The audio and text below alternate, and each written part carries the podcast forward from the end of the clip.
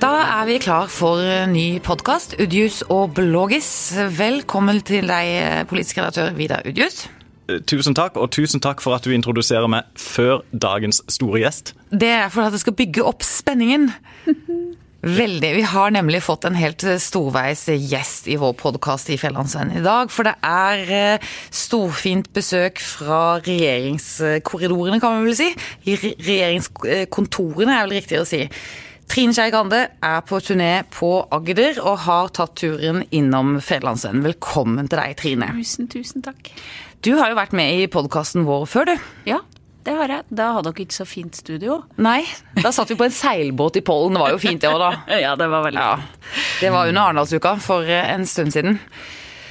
Eh, vi er veldig glad for å ha deg her. Glad for at du tar deg tid til å komme på besøk hos oss eh, når du står litt i stormen og sånn. Og du var jo etterlyst et annet sted i dag. Jeg vet ikke om du fikk med deg det, Trine? De lokale venstrefolkene sa det, men eh, det var en pressekonferanse jeg ikke akkurat var invitert til, for å si det sånn. Jeg tror dem som hadde ansvaret for den, hadde mer enn nok med å ha den for seg sjøl. Ja, fordi i dag så la altså Bent Høie og Olaug Bollestad fram forslaget til den nye abortloven. Mm. Og du var ikke så ønsket der, du da? Nei. nei, det var jeg tror ikke det var noen som kom på at jeg skulle være der. Og jeg skulle jo være her i dag, så ja. jeg fikk ikke vite om den før i går kveld. Var, Men ja. tror du det var noen som kom på at du ikke burde være der? Ja, det er det jo alltid. Ja.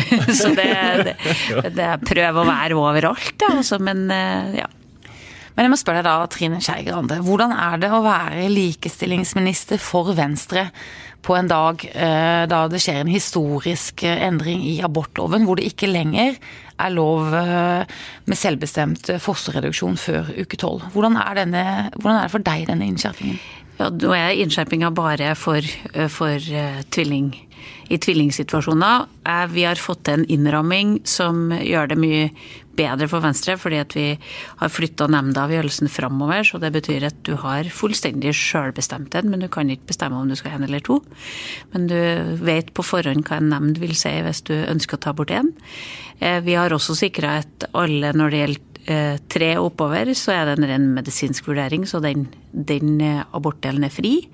Så noen sånne innramminger har vært, for, for, har vært viktige for Venstre å få til i, i, det nye forslaget som ligger der. Men ellers så er vi imot dette også. Men for oss var det viktigst å få stoppet 2C, som da Høyre hadde åpna for, og som KrF ønska å gjennomføre. Og det hadde ikke Venstre kunnet vært i regjering. Men er det bare Venstres ære at den ble stoppet? Frp var vel enig med ja, Her var Venstre og Frp helt enig. Det er ikke alltid det er sånn, men akkurat her så følte jeg at jeg og Siv kjempa den samme kampen. Men kan jeg spørre, nå beklager jeg hvis jeg tar helt regien, Karen, og, og kommer langt ut på de politiske viddene, men er det et trekk som vi ser stadig oftere, tenker du, at uh, Venstre og de liberalistiske kreftene i Frp, og for så vidt de liberale kreftene i Høyre, uh, har mange felles interesser, og så er dere da ofte i uh, politisk strid med de mer verdikonservative kreftene i KrF? Nei, det føles ikke sånn. for det, det i, i, en regjering med fire partier så går liksom skillelinjene på kryss og tvers eh, i ulike saker. Noen ganger så er vi og, Venstre, vi og, KrF på lag, noen ganger vi og Høyre på lag. Så, så, det går veldig på kryss og tvers, og mye mer på kryss og tvers tror jeg enn folk uh, tror i, sånn, i hverdagen. Når du Sier det, tror, at, det, er... tror at politikk er sånn matematikk. Det er det, det er det, ikke. Men det er litt alle mot alle enkelte ganger? Nei, men, men Erna har en måte å være statsminister på som er veldig sånn åpen, der de gode argumentene rundt bordet eh, holder. Det er det som skal liksom lede landet, er de gode argumentene. Eh, og da er det jo, opplever vi jo ofte at deler av Høyre kan være enig med oss, deler av Frp kan være enig med oss. Ja, så det, kan, så det, er ikke, ikke parti, det er ikke alltid partigrensene som gjør det.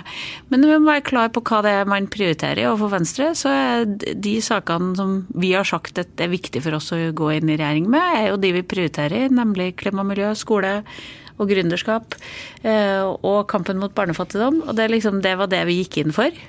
Grønnere, rausere og mer liberal eh, regjering. Og så tror jeg at det er ganske klart hva Venstre prioriterer. Og så må vi avveie det mot hverandre. Du, Jeg må bare ikke helt slippe det abortspørsmålet helt ennå. Jeg har ett spørsmål til eh, rundt det. Så hvis du kan eh, holde litt fred nå, Vidar Udius, så, så kan Trine og jeg få snakke litt ut om det. Ja. Fordi at eh, en har jo sett at dette abort, det at abortspørsmålet har vært i diskusjon, det har jo mobilisert veldig kvinnekamp og feminister, og egentlig kvinner langs hele partiaksen. Mm -hmm. eh, Tror du den diskusjonen nå har revitalisert feminismen litt? Vil, har det endret feministdiskusjonen, diskusjon? Vil 8. mars i år bli helt spesiell? Jeg håper jo at uh, alt er med på å revitalisere en feministdebatt, for det trenger Norge hele tida. Uh, vi har hatt en kjempestor debatt om tredeling av foreldrepermisjon, mm. der Venstre har stått helt i front og forklart hvorfor vi syns tredelinga er riktig. Mm. Uh, fått masse kjeft for dem, men jeg mener at det er grunnleggende både for barns rettigheter og for barns rett til å ha to foreldre. Så vi kommer til å stå i mange sånne store debatter. Og så oppfatter jeg vel at de endringene som nå gjøres i abortloven, ikke er veldig store. Nå blir vi helt like med, med Sverige på, og alle andre europeiske land på, på det nivået. Mens jeg oppfatter at kvinnebevegelsen kanskje ikke har vært så til stede i kampen for tredelinga, som jeg også mener er en viktig likestillingskamp. Men det er fordi at den går ikke helt sånn hånd i hånd med behovet for å amme, da? Jo, det gjør den. fordi at ammerådene når det gjelder amming, det er at du skal fullamme til seks måneder. Eh, og så kan du dele eh, amme noe fram til åtte. Mm. Og det kan du fort gjøre innenfor det som vi har som system. Pluss at vi har et veldig godt system i Norge knytta til ammefri. Jeg skjønner jo at hvis du er langtidspendler, så kan ikke det gjøres på helt samme måte. Men, men jeg har nå spurt alle fagorganisasjonene og alle næringsorganisasjonene i Norge har dere fått noen økning av, av, av saker når det gjelder konflikter med ammefri. Og da sier de det finnes nesten ikke. Nei. Kommer du til å gå i 8. mars-tog i år da, Trine? eller? I dag, 8. Eh, mars, skal jeg gå i tog gjennom Venstres landsmøtesal og opp på talerstolen okay. før vi starter landsmøtet vårt på 8. mars. Ah, for vi hadde et lurespørsmål, men da er det selvfølgelig Venstres landsmøte. Men vi lurte da på om du eventuelt kunne tenke deg å gå i, under en parole som hadde provosert KrF, f.eks. ved eh, bevar eh, full fri abort? Ja, jeg ser jo det som kanskje var mest interessant i går, er å se biskopene sin bevegelse på dette området. Eh, og, og jeg er egentlig ikke så forundra over det, men jeg syns det er veldig gledelig. For da, da får vi kanskje et annet debattklima.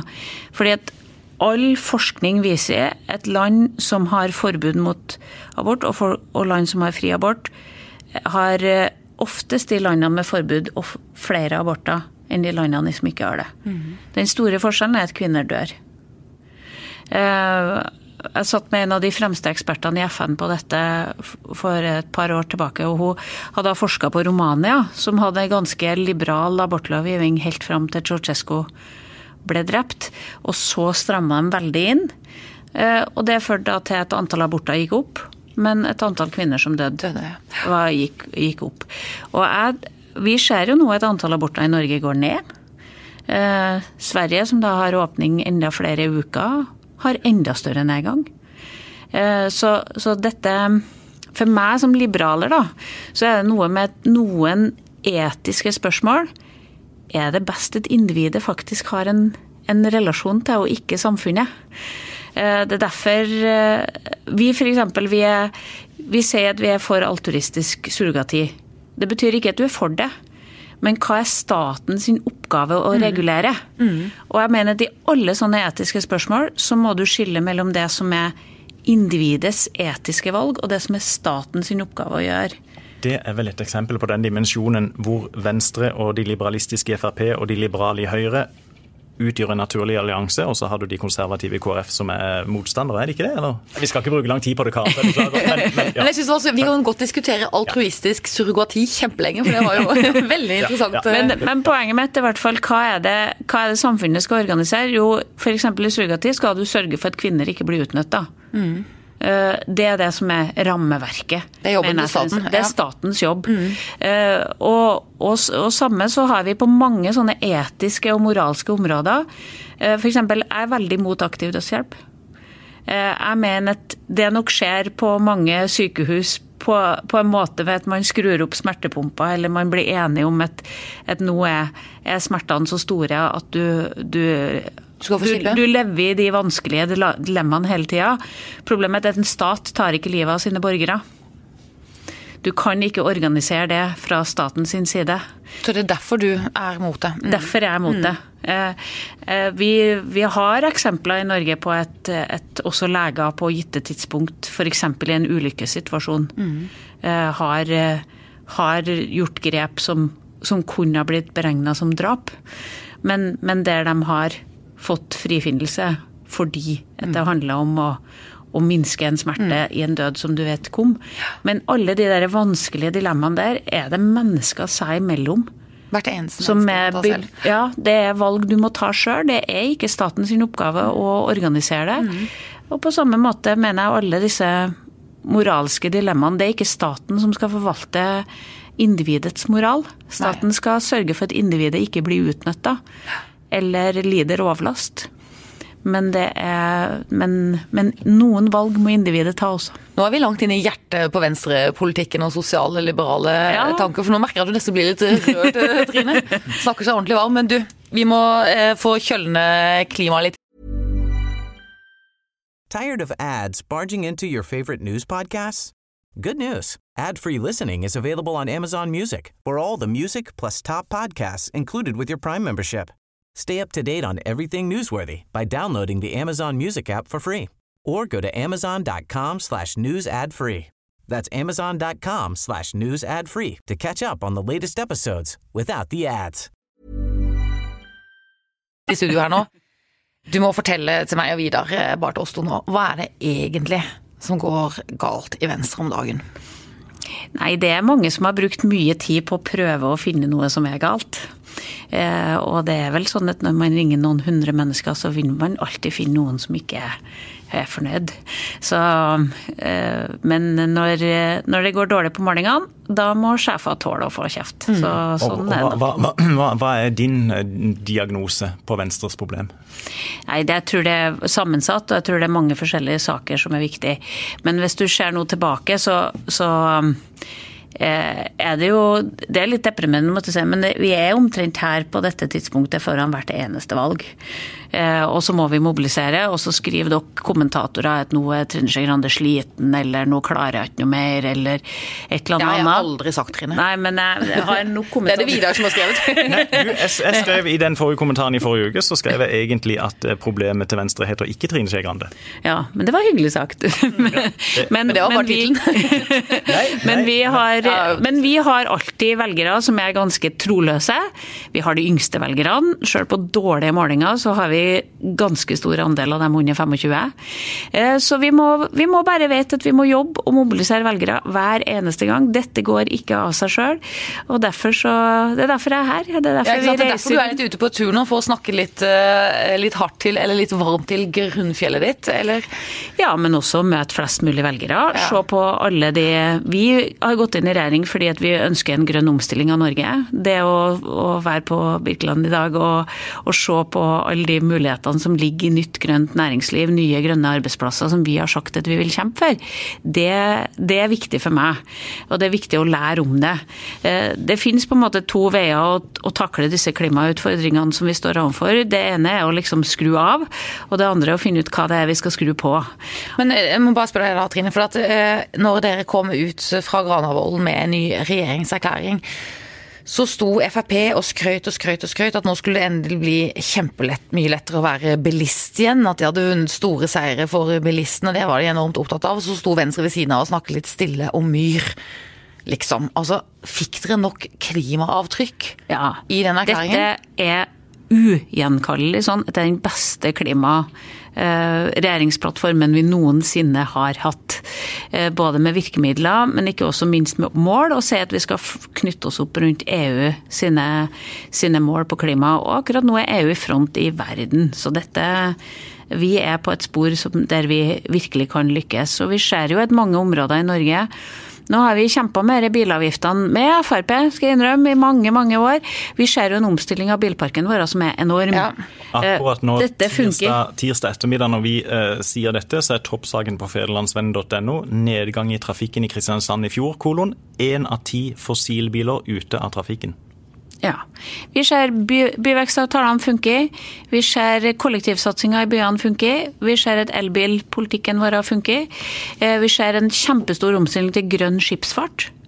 Dette er jo en kjempekonkurransefortrinn for Norge når vi klarer å gjøre det. Folk, Så dette funker. Folk er jo så sinte på disse bymiljøavtalene, byvekstavtalene. I, I alle byene som uh, får, det, får det tilbudet, på en Ja, måte. men det er ikke behagelig å omstille seg. Det, det skjønner jeg. Men, men uh, alternativet er liksom å skru helt igjen.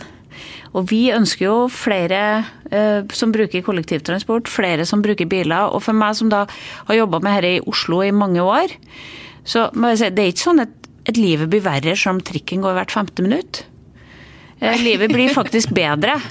Eh, Og det er noen som liksom framstiller det som at dette er, hindrer folk sin valgfrihet. Nei, dette kan faktisk gi bedre byer, bedre valgfrihet, bedre luft, bedre muligheter. Men vi må kanskje gjøre bitte litt med vanene våre. Det kan ikke alt være som før. Og bilene våre kan ikke gå på fossilt.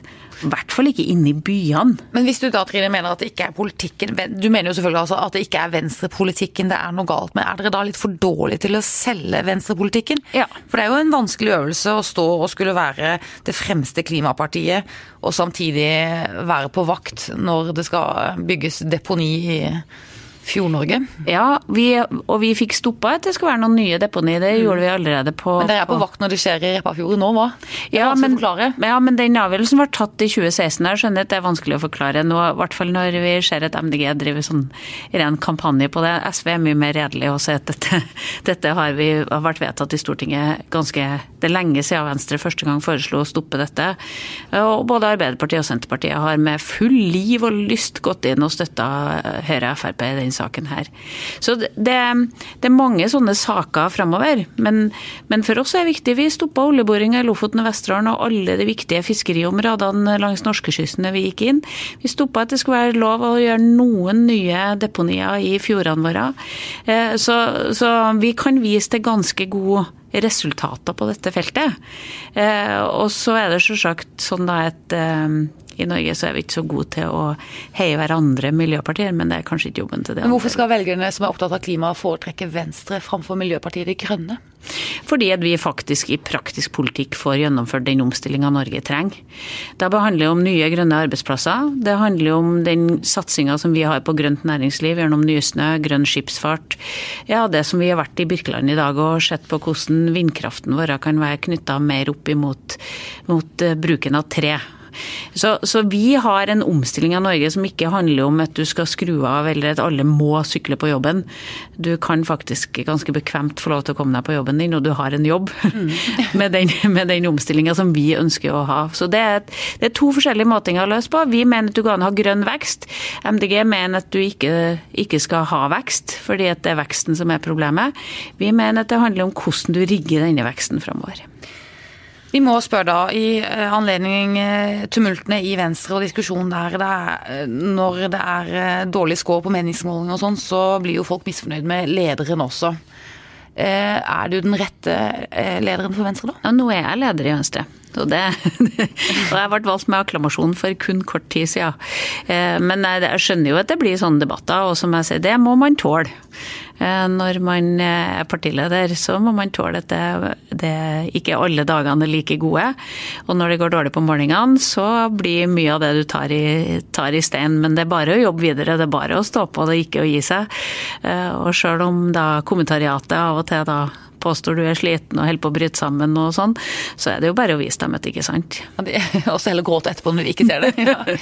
Du Vidar, eh, hva- du som er politisk kommentator eh, og har vært på mange Venstre-landsmøter og sånn, hvor viktig er eh, landsmøtet i Venstre? Hvor viktig blir landsmøtet i Venstre for eh, partiet og Trine Skei Grande nå? Det, eh, der er jeg enig i det du, du sa i stad, at eh, her er vi foran hvert valg, egentlig ved hvert eneste landsmøte, som jo kan være den store boosten for et parti. Så har det de siste par årene iallfall blitt, eh, blitt nokså kjelkete for Venstre, også pga. utspill som, som nok Trine helst ikke hadde sett hadde, hadde funnet sted. Og for, for to år siden i Ålesund så var det jo katastrofemålinger nede på totallet da også. Ja, Så da var jeg òg sliten og holdt på å brøyte sammen. og, Og, og da snakka også du og et par av de andre mest optimistisk om at ja, her har vi vært før, men vi skal klare sperregrensa, og det klarte dere. Så kred, du har altså tatt partiet over sperregrensa to stortingsvalg på rad som ingen andre venstreledere har klart siden slutten av 60-tallet. Hva er det Trine klarer da? Det må jeg spørre om. Hva er det Trine hva er det hun, hun gjør? klarer å mobilisere når det nærmer seg valg. Og det er jo tross alt det aller viktigste. Men grunnen til at øh, Etter mitt syn grunnen til at det går dårlig for Venstre i den politiske hverdagen For jeg, for jeg tenker når du leser Granavolden, så er, så er det, og Jeløya ikke minst, så er det betydelig gjennomslag for Venstre. Men totalt sett så syns jeg Venstre utad framstår som et nokså utydelig parti. Ideologisk har vi brukt uttrykket sosialliberal. Det tror jeg ganske få egentlig har noe spesielt forhold til. Hva vil det si å være sosialliberal? Folk flest syns kanskje det er litt eh, fjernt. Trine nevner eh, klima og miljø og alle gjennomslagene de har fått. Og så er jo et dilemma at MDG har jo kjappere løsninger på ganske mye. Enda strengere krav. Eh, SV i, i stor grad det samme. Skole, som du også nevnte. Høyre og Arbeiderpartiet tøff på banen. Tøff kamp om sakseierskapet. Gründerskap, ja OK, men du har, du har Høyre der også som er OK, de er kanskje mer opptatt av litt større bedrifter, men igjen, næringslivspolitikk, Høyre. Så det, det, det er en knalltøff kamp som jeg tenker at dere står i i Venstre. og da må jeg også få lov til å si at uh, jeg syns nok et par av dine statsråder ikke har klart å fronte partiet godt nok, ville jeg kanskje tenkt på sine fagområder. Er det, det må du svare på, Trine. Hva syns du om det? Nei, det er bare å jobbe mer, og vi er ikke bra nok. Altså, vi har, når vi ligger og dupper rundt over og under tre, så er vi selvsagt ikke bra nok. Da må vi bare jobbe mer. Må vi ut mer? Må vi snakke mer om det vi får til? Og hva det er vi skal gjøre, hva vi skal bruke posisjonen vår til i regjering. Men har ikke Venstre eierskap til Venstre-sakene lenger? Jo, det har vi. er det, vi, hva er den fremste saken du vil at velgerne skal tenke på når du sier Venstre? Nei, det, det, Alle målinger sier at det første de tenker på er klima, og så tenker jeg på gründerskap. Og det tror jeg kanskje er en av de tingene vi ikke har vært gode nok på ut fra de rollene vi har. Men nå har vi lagt en plan for hvordan vi skal løfte gründerskapet. Og når jeg er her, så besøker jeg jo masse bedrifter. Det er jo det jeg har gjort i dag. Kan jeg bare si en ting? Um, et innspill vil jeg kanskje For jeg tenker at en sak, en enkeltsak som angår enormt mange mennesker, og stadig flere, som dere med stor grad kan ta sakseierskapet til, tenker jeg, og, og på en måte allerede har det, men det er da elbiler, som jo er blitt en enorm glede for enormt mange mennesker. Skaper mye motstand osv. Og, så og vi hadde for et par uker siden besøk av en partileder for et annet parti, Senterpartiet, som var her og på en måte hadde en annen tilnærming til hele elbilpolitikken. og på en måte fram ja, nesten framelska det som en sånn de rikes leketøy, på en måte. Mens, mens, vi jo er mange som kjører dette her med stor glede i hverdagen. Og der tenker jeg eh, flagget til topps for Venstre, som har virkelig eh, kjørt igjennom den saken.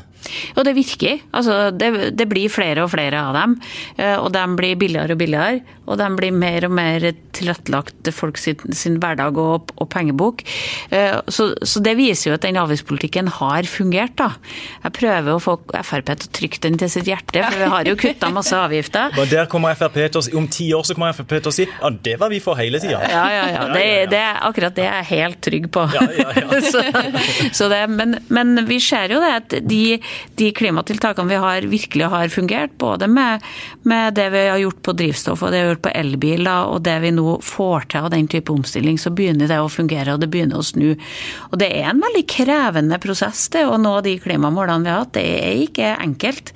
Men, men det er men det er kjempeviktig å si at disse målene må vi faktisk nå. Og jeg tror at folk er mer opptatt av Jeg merker det bare vi begynner å diskutere insekter og bier, og liksom insektene våre forsvinner. Så kan du tro at det er en litt sånn sær, rar ting. Men, men på gata så er folk syns det er skummelt. Du vet hva, Jeg leste om den der insektsrapporten som kom nå. Det er jo ja. helt utrolig skremmende. Og det er kort tid til. Nei, det må vi Ja, ikke sant. Disse tingene ja. føler jeg opptar folk, og jeg ja, håper jo at det kanskje vil påvirke mm. hva folk stemmer på enda sterkere grad framover. Du, Vi må snakke litt eh, til slutt, Trine, siden du også er kulturminister. Mm. Eller først og fremst kulturminister. Eh, Kunstsilo. Vi har hatt en voldsom strid og debatt i Kristiansand om den. Og det var jo knyttet stor spenning til om den ville komme inn på statsbudsjettet. Dere hadde en finurlig løsning på, den, eh, på, det spørsmålet. Følger du med på den debatten her i Kristiansand, eller vet du noe om den? Jeg syns det er kjempeartig når kunst lager sånn ordentlig debatt. og jeg syns at det er en det er, Ja, det kan ikke være bedre for kunsten enn at den utsettes for debatt. Eh, så skjønner jeg at den har vært litt ekstra opprivende her. Ja. Man snakker om kommentarfelt og sånn. Men, men det er poenget med kunst, er at det skal skape debatt. For meg så handler all kunst- og kulturpolitikk om at det er ytringsfrihetspolitikk. At det er ytringer som folk All kunst er ytringer. Og du skal legge til rette for ulike ytringer, og du skal legge til rette for brytninger. Og det er trua på at du aldri skal liksom ha store debatter rundt et museum. Mye kulere å bygge museum til debatter rundt enn eh, noe som går liksom under radaren. Men, men, men uh, uten å gå veldig i detalj inn på, på argumenter til motstanderne, så reagerer jo en del på den politiske venstresida på at her er det en milliardær som på en måte i hermetegn bare trenger en plass å, å, å vise fram kunsten sin. Uh, mer på den politiske høyresida så er det sterk frustrasjon over at det offentlige skal bruke så mange skattepenger på noe som såpass få mennesker i realiteten kommer til å ville se. Men, men, men, du tenker bare sånn hei uansett? Jeg er venstre, så jeg er ikke i noen av de fløyene. Jeg mener at det er kjempebra med rikinger som bruker pengene sine på kunst. Gjerne. Da var det veldig mange flere som har litt ekstra penger. At de kunne ha brukt det på kunst. Håper folk flest òg kunne ha brukt litt mer på kunst. Jeg håper at liksom, når vi skal gi bursdagsgave til venninne, at vi kanskje kan kjøpe et lite trykk istedenfor et, den, sjal. et ja. nytt sjal som du bare putter ned i skuffa. Så jeg håper jo at det er med på å bidrar. Og så er det sånn, ja, staten må, har også en rolle om å legge til rette for de private kunstsamlerne, og det har vi ikke noe god rating på i Norge. Veldig, veldig mange av de store kunstsamlerne vi har i Norge, sender jo kunsten sin til utlandet. Og du kan gå i Tate Gallery i London, eller du kan gå på Met i, i New York og se norsk kunst fra norske samlere henge der, som egentlig burde ha vært våre. Det er våre, vårt, vår felles arv som vi skal ta vare på. Så vi må bli bedre til å ta vare på de private samlerne. Og så må vi også selvfølgelig bidra med med offentlige penger til både kjøp og kunst og vise fram kunst. Men Frykter du at det i framtiden skal bli et sluk, kunstsiloen, sånn at det vil øke på en måte kultur- og kunstfiendtligheten blant folk? Nei. Alt, alle sånne prosjekt viser at debatten er bare bra og, og, og er med på å utvikle holdninger til det. Og så tror jeg jo at, at kunsten sin rolle er å, å være til stede, og vil være alltid øke interessen for kunsten, og vil øke mulighetene for andre. Vil åpne for masse turisme eh, og gjøre byen mye mer interessant. Jeg bruker å nevne et, eh, en sånn vennegjeng vi pleier å dra på som bytur i palmehelga i, jul, i påska. Og vi bruker ofte å velge by ut fra hvor mange museum de har. Eller hvor mange kule ting som er å gjøre der. Og så drar vi hjem, og så har vi ikke vært på noe museum, men vi har bare vært og spist mat og gått i gatene. Men det er derfor du velger byen. Mm. Fordi at byen har de kulturuttrykkene som du kan velge å gå på. Og kulturturister er syv-åtte ganger mer lønnsomme mm. enn eh, friluftsturister. Eh, og dette er et kjempepotensial for Norge som vi må bare utnytte. Det er vi kommer aldri best på badestrender, selv om eh, vi er i det området kan, Selv om Kristiansand kan Spark mot bystranda, ikke sant? Men likevel så blir vi ikke best på det. Vi blir aldri Copacabana uansett. Men, men, uh, det å bli best på å være interessant kulturelt og interessant kunstmessig, det kan vi bli best på. Det høres ut som det blir kulturminister Trine Skei Grande som står for den offisielle åpninga av kunstsida. Det skulle jeg ha. Hun ba om det nå, i hvert fall. Trine Skei Grande, det var som sagt veldig hyggelig at du tok deg tid til eh, denne podkasten. Du er jo blitt en av de faste gjestene du nærmest nå når du har din andre gang på, uh, hos oss. Tusen takk for at jeg fikk komme. Ja, hva, bare kort sånn, hva skal du mer på Agder mens du er på besøk her nå? Er du på vei ut av fylket snart, eller? Ja, jeg skal hjem igjen i kveld. Oh. Ja, Sto opp 05.10 hjemme rundt 11.30 tolv. Ja. Ja, men jeg skal også rekke å møte noen venstrefolk før jeg drar hjem. Ja. Og så skal da, du videre på tur i Norge og samle venstrefolket? Ja, det er bare å reise og reise og reise. Ja. Med slagordet altruistisk surrogati. Det var altså så gøy begrep. altruistisk surrogati. Det kommer jeg til å huske fra denne podkastsendingen. Tusen takk, Trine Skei Grande, og tusen takk til alle dere som hørte på.